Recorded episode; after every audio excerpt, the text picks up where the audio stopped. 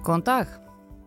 Kvalveiði þjóðin Íslandingar hefur átt undir smávegis högg að sækja síðan hérna fyrir mjög löngu síðan þegar það sem á kalla kannski blómaskeið veiðana var hér eða var einhver tíman blómaskeið. Við heyrðum í fréttum í gæri af nýri skýslu matvælastofnunar sem síndi að einingis rétt rúmlega helmingur þeirra kvala sem voru drefnir við Íslandi fyrra drápust samstundis. Margir voru skotnir óttar en einu sinni og einum var veikt eftir fyrir marga klukkutíma með skutul í bakkinu. Hann náðist ekki. Ég heiti Sunna Valgeradóttir og í dag ætla ég að fjalla um kvalveiðar Íslandinga og við byrjum á nýjustu tíðundum af þessum umdelda og fámenna atvinnuvegi. Matvælastofnun telur að veiðar á langreiðum hér við land séu ekki í samræmi við markmiðir laga um velferð dýra.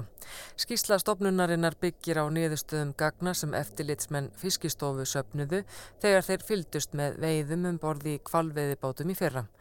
Í fjörðungi tilvika þurfti að skjóta kvalina oftar en einu sinni. Í tveimur tilvikum þurfti að skjóta oftar en fjórum sinnum. Tæpa klukkustund tókað aflifa annan kvalinn og hinn um tvær klukkustundir.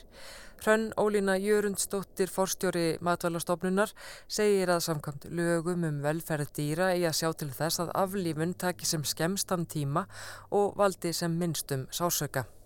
Og við teljum þess að niðurstöður ósættilegar þannig að við teljum að þetta sé ekki í andalaga. Stofnunum telur hins vegar ekki að lög hafi verið brotin, veiðarnar hafi stuðst við þekktar aðferir og þær bestu miða við aðstæður. Hrönn telur hins vegar að þetta kalli á endurskoðun laga og hvort veiðar á stórkvelum geti yfir höfuð uppfyllt markmiði laga um velferð dýra.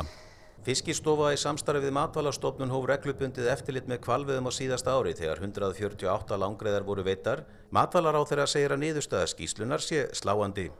Það auðvitað er grunnurinn í eh, dýravelferða lögjöfinni að dýr eiga að njóta sjálfstöra virðingar og það leggur líka fyrir að ekkert dýr á að þurfa að þjást við aflífun og, og allra síst eh, mínútonum og jafnveg klukkutímanum saman þannig að það er mjög sláandi að sjá það. Það þarf að raukstiða það vel ef að þessi eh, atvinnugrein á að eiga framtíð fyrir sér og mér finnst þessi gögn benda til þess að, að þessi atvinnugrein eigi e, meira skilt við fortíðeldur um framtíð. Matalar á þeirra gefur út leifi til kvalveiða, núverandi leifi rennur út í haust og ráð þeirra segir óljóst hvort það verði endur nýjað. Hins vegar sé ekki hægt að stöðva fyrirhugar kvalveiðar í sumar.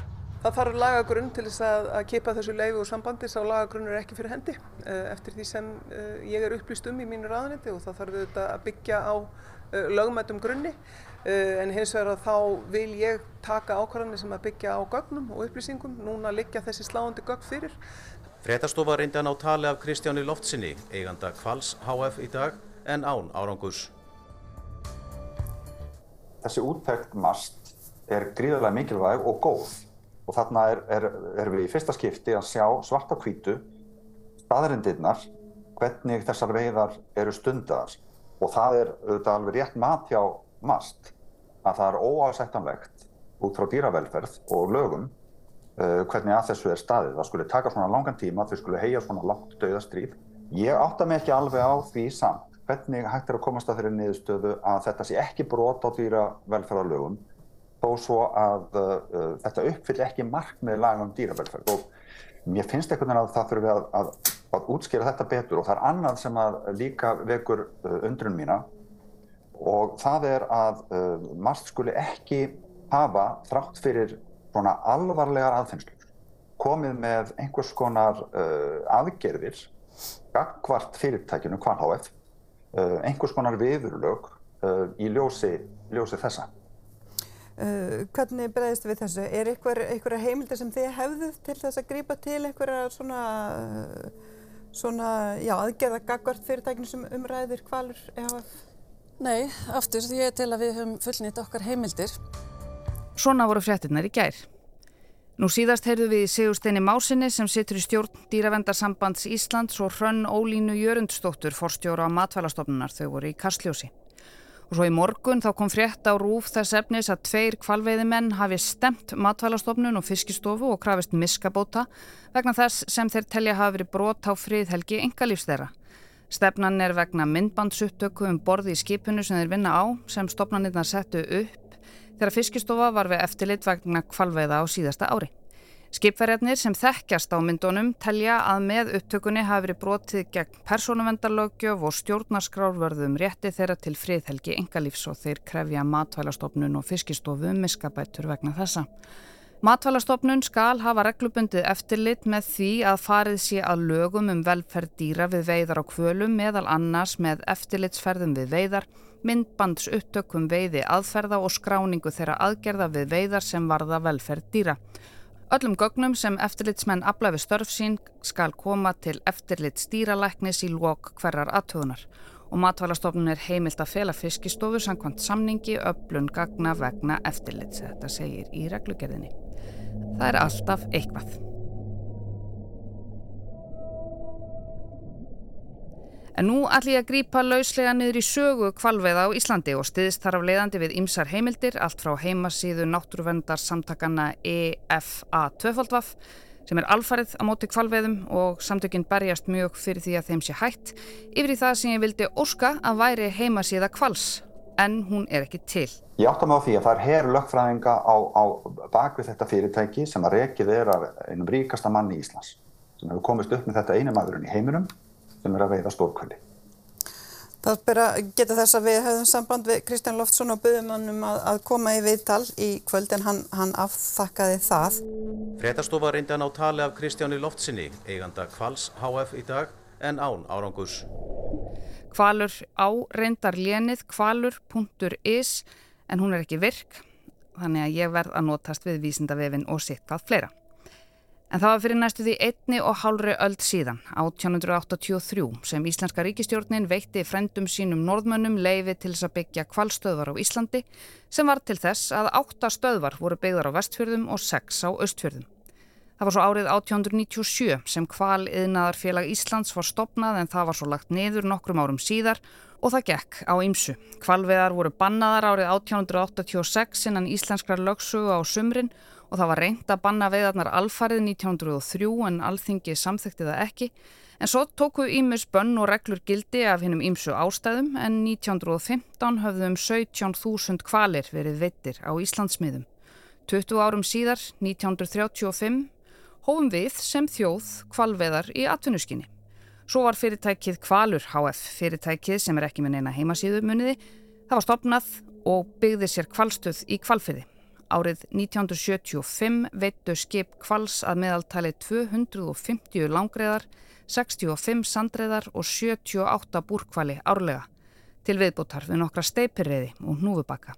Ef að eitthvað annað fyrirtæki í matvælavinnslu væri staðið af slíku dýranýði, af því að þetta er ekkert annað en dýranýð, að þá uh, held ég að það væri ekki tekið á því á menninum silkihönsku. En svo fóru þjóður heims að setja allskynns reglur um takmarkanir á kvalveðar þar sem þessi stærstu dýr veraldar voru farin að týna tölunni allt og hratt. Alþjóðasamningur um stjórn kvalveða var samin til þess að tryggja öruga vernd kvala stopna og leggja þar með grundvöld að skipulögðum kvala yðnaði.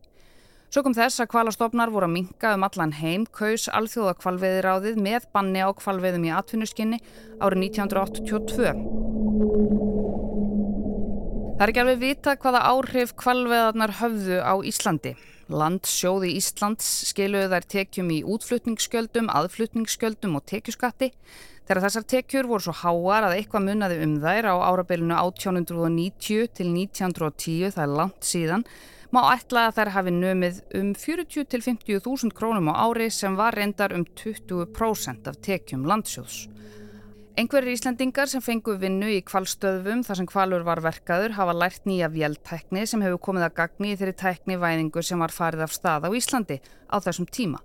En enginn þeirra staða sem hýsti kvalstöðvar varð verulega stór eins og til dæmis síldarveiðbærin Seyðisfjörður varð á íslenskan mælikvarða litlu fyrr.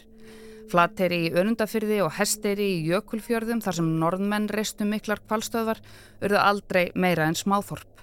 Asknes í Mjóafyrði, mesta kvalstöðin og austfjörðum, var ennþá hóværara pláss. Í fimm kvalstöðabyggingum á vestfjörðum, Tálknafyrði, Dýrafyrði, Önundafyrði, Álta og Seyðisfyrði og Hestirarfyrði fjölgaði fólki um 35% á árunum 1890 til 1910, aftur mjög langt síðan. Á sama tíma var landsmiðaltalið um 20% af fólkfjölgun. Eigum við að kalla þetta mikil áhrif, það getur hver metið fyrir sig. Við höfum haft þá stefnu að, að, að nýta náttúröðlindir með sjálfbærum hætti á grunni vísindalega ráðgjafar og þessar veiðar eru á vísindalegum grunni, þær eru sjálfbærar, þær eru undir eftirliti, þær standast og eru í takt við alltjóðlega lög og svo framvegs og framvegs. Það þarf að raukstiða það vel ef að þessi eh, atvinnugrein á að eiga framtíð fyrir sér og mér finnst þessi gögn benda til þess að, að þessi atvinnugrein eigi e, meira skilt við fortíðöldur um framtíð. En í desember 91 þá ákvað Ríkistjórn Íslands að ganga úr alþjóða kvalveðiraðunum en við gengum svo aftur í það 2002. Við hættum að veiða kvali en svo byrjuðum við aftur, svo hættum við aftur og svo byrjuðum við aftur. Fyrir tæpu ári, í lókjúni í fyrra þá fjallaði ég um kvalveðar Íslandinga í þetta helst. Tilefnið var innmitt að þær væru hafnar á ný eftir fjögra ára hlið. Ég heiti Heiða Kristín Helgadóttir og ég hef verið að stunda fiskúðflutning núna í nokkur ár meðal annars fyrir eh, Næsland Seafood. Ég leitt svo aðeins á ásýnd kvalveiða okkar Íslandinga og talaði við Heiðu Kristínu sem var þarna í fyrra fiskútflytjandi en hún tók nýverið við taumunum sem framkvæmdastjóri sjávarklassans. Þannig að viðtalið sem við heyrum á eftir það er ekki framkvæmdastjóri sjávarklassans Heiða Kristín sem talar heldur fiskútflytjandi. Það sem að mér svona í raun og veru sorglegast í þessu máli er að ég held til dæmis á þingi þar sem að um, endanlega ákvörunum eitthvað svona fyrir utan hjá að það er þið tekinn sem á að endur spekla eitthvað vilja þjóðarinnar held ég að sé meiri hluti fyrir að hætta þessari vittlisu. Um, en mér finnst svona það sem er sorglegt í þessu er einhvern veginn að svo dugleysi stjórnmálamanna til þess að klára þetta mál einhvern veginn og setja þetta bara fyrir aftan okkur sem part af einhverju fortíð uh, er uh, yfirgnæfandi. En er ekki komið tími til núna að setja uh, bara punkt aftan við þessa sögu. Vegna þess að þeir fara einhvern veginn undan í flæmingi, þetta sé nú, þú veist, ekki svo mikið mál og það ber nú ekkit hérna, eh, tölurvarandi ferðarþjónustu bend ekki til þess að fólk sé að hætta við að koma inn út á kvalveðum og mér finnst þetta svona lýsandi mál fyrir, fyrir almennt svona uh, dugleysi stjórnmálamanna heilt yfir sem að, uh, sem að er að verða bara rosalega stórt vandamál í hennu vestranna heimi, það sem að í staðan fyrir að taka á erfiðum málum eða málum sem að raunverulega stjórnmálamenn eru kjörnir af hérna, uh, fólki til þess að sinna þá einhvern veginn svona ítaði frá sér. Tveir bátar, kvalur nr. 8 og 9, heldur til kvalveiða í síðustu viku í fyrsta sinn í fjögur ár síðan sumarið 2018. Kristján Loftsson, eigandi Kvals HF, sagði í viðtal við morgunbladið að það færi allt eftir veðri hversu marga kvali standi til að veiða. Við getum ekkert verið að í vittlösu veðri, saði Kristján. Hvalavertíðin stendur í um 100 daga og samkvæmt ráðgjöf Havarónsóknarstofnunar má veiða 209 kvali í kringum Ísland, Grænland og Færegar. Stofnin taldi vel yfir 30.000 í síðustu talningu. Þetta er alveg nóg fyrir okkur við tökum að hámarki tvo kvali á túr, saði Kristján líka. Reiknaður með að um 150 manns starfi á kvalveðiskipunum í kvalstöðinni í kvalfyrði og í vinslu fyrirtækisins í Hafnarfyrði. Markaðurinn er sagður betri í ár en oft áður. Svo veitist 59 feta langreiður söður af landinu um klukkan 7 að morgni 24. júni síðastliðin, sá fyrsti í fjögur ár. Annari var svo landað undir kvöld. En er ávinningur Íslandinga af kvalveiðum næjanlegur til þess að vega upp á móti orðspors áhættu sem fylgir veiðunum? Og hver er svo áhætta eiginlega? Nýlega konun maskínu fyrir Náttúruvendarsamtök Ísland síndi að tveir þriðju hlutar Íslandinga telja kvalveðar skada orðspor landsins og fleiri eru ansnúnir veiðunum en fylgjandi. Kjósendur miðflokksins eru jákvæðastir í gard kvalveiða en kjósendur viðreistnar neikvæðastir. Kvalur HF sendi skip sín síðast til veiða sömari 2018 og veitu þá alls 146 kvali. Kvalveðar hafa verið stundaður á sumrin á Íslandi síðan 2003 en þá hófust kvalveðar í vísindaskinni aftur eftir nokkur hlje. Íslandingar hófu síðan kvalveðar í atvinnuskinni á ný 2006. Kristján Þór Júliusson, sjávarútveksráðra, gaf í februar 2019 út reglugerð sem heimilaði áframhaldandi veiðar á langreiði og hrefnu til 2023. Það er nú ekki margir aðeinar sem stunda þessar veiðar hér á landi. Er eitthvað sem kallar sérstaklega á það að við höldum þessu áfram? Nei, í sjálfs er, það alveg hárétt að það er ekki margir sem að hafa stundað þessa veðar en ég er ekki að taka þess ákvörðun út frá því sjónamið, fyrst og fremst út frá því sjónamið að við höfum haft þá stefnu að, að, að nýta náttúröðlindir með sjálfbærum hætti á grunni vísindalega ráðgjafar og þessar veiðar eru á vísindalegum grunni, þær eru sjálfbærar, þær eru undir eftirliti, þær standast og eru í takt við alltjóðlega lög og svo framvegis og framvegis. En hérna heima þá er þetta mál sem við höfum í vaksandi mæli alltaf, þú veist, vitað að er eitthvað sem við eigum ekki að vera stunda uh, út frá dýravend og út frá mjög mörgum, mörgum svona hliðum er, er þetta e, eitthvað sem að heyrir fortíðinni til. Og þarfur utan eru engar markaðslegar ástæðar til að halda þessu áfram. Og við erum svona að leika okkur að eldinum og í staðan fyrir að taka á því og klára þetta þá bara svona lallar þetta áfram þanga til held ég að eitthvað gerist sem við getum ekki snúið tilbaka.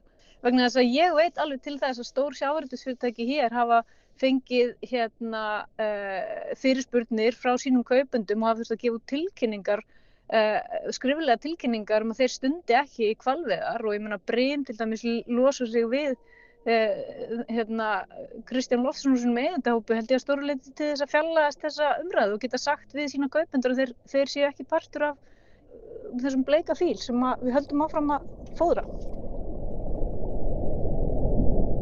Þarna heyrðum við heiðu Kristínu Helgadóttur í viðtali við þetta helst síðasta sumar. Ég heiti Sunna Valgeradóttir og kvalveðar voru helst hjá mér í dag. Þessi þáttur af þetta helst og allir aðrir þættir eru eins og þið vonandi flest vitið núna aðgengilegir í spilararúf og öðrum stöðum þar sem þið hlustið á hlaðvörpun ykkar. Takk fyrir að leggja við hlustir í dag og við heyrum svo aftur á morgun.